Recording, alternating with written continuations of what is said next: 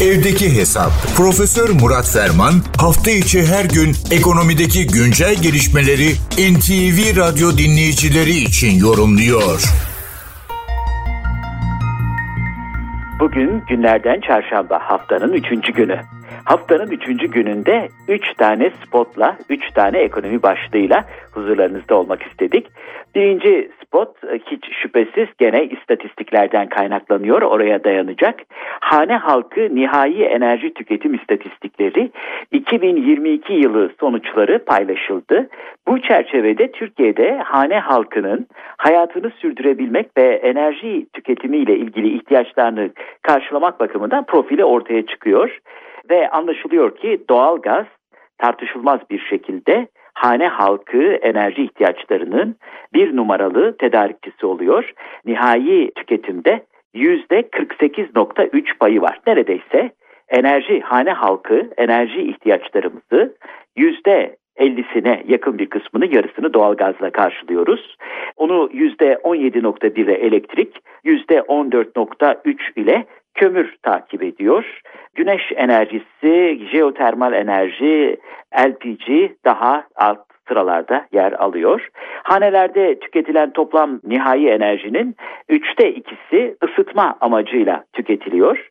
Isıtmadan sonra sırasıyla aydınlatma ve elektrikli ev aletleri kullanımı %15 oranında, su ısıtma %12 oranında 3. sırayı alıyor. Bu da enteresan bir nokta. Tabii doğal gazında yani en yüksek paya sahip olan enerji kaynağını da en çok ısıtmada, elektriğin ise aydınlatmada ve elektrikli ev aletlerinde tüketildiği ortaya çıkıyor. Evet tabi enerji konusunda en önemli meselelerden bir tanesi sadece enerjiyi temin etmek veya kullanabilmek, bedelini karşılayabilmek değil.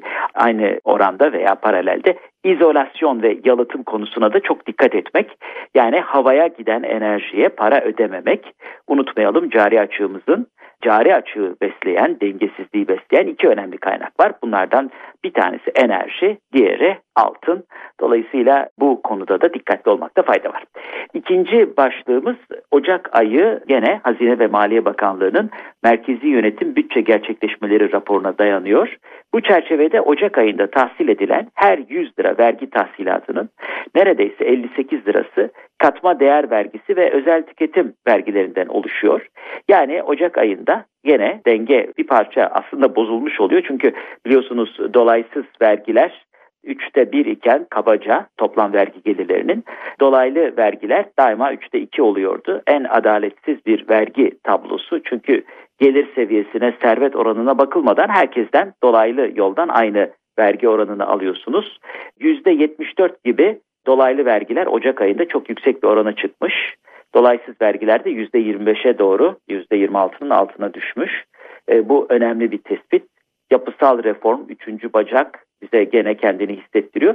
Bir de enteresan bir nokta var tabii. Hani bu e, aralarda talep bacağı üzerinden enflasyonu bir parça dizginlemeye çalışıyoruz ya vatandaşın kredi kartına vesaireye sınırlama getirerek tüketiciler harcama yapamazsa hareket olmazsa vergi tahsilatında da bereket olmaz. Evet işin çarpık yapı içerisinde bir günde düzeltilemeyeceğine, bir günde ortaya çıkmadığına göre eğer bu noktaya gidilirse bu sefer de vergi tahsilatında düşüş olacak. Herhalde onu da bir düşünmek lazım. Zaten ekonomide bütün bu bütüncül yapılarla bir arada yürütülmesi gereken hassas bir sanat ve zanaat.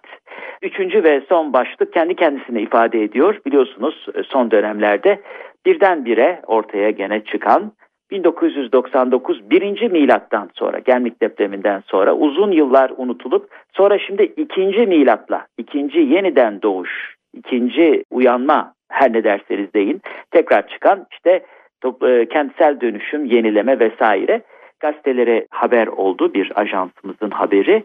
Bahçeli Evler'de bir grup duyarlı vatandaş bir araya geliyor. Anlaşma yapıyorlar müteahhitle yeniden yıkılsın ve güçlendirilsin diye yapılan bina eskisinden beter. Bu sefer de şimdi bununla ilgili karar alınmasını ve yıkılıp tekrar yapılmasını bekliyorlar. Evet enteresan bir unsur inşallah toplam görünüme şamil olmaz eskilerin deyimiyle ne diyoruz?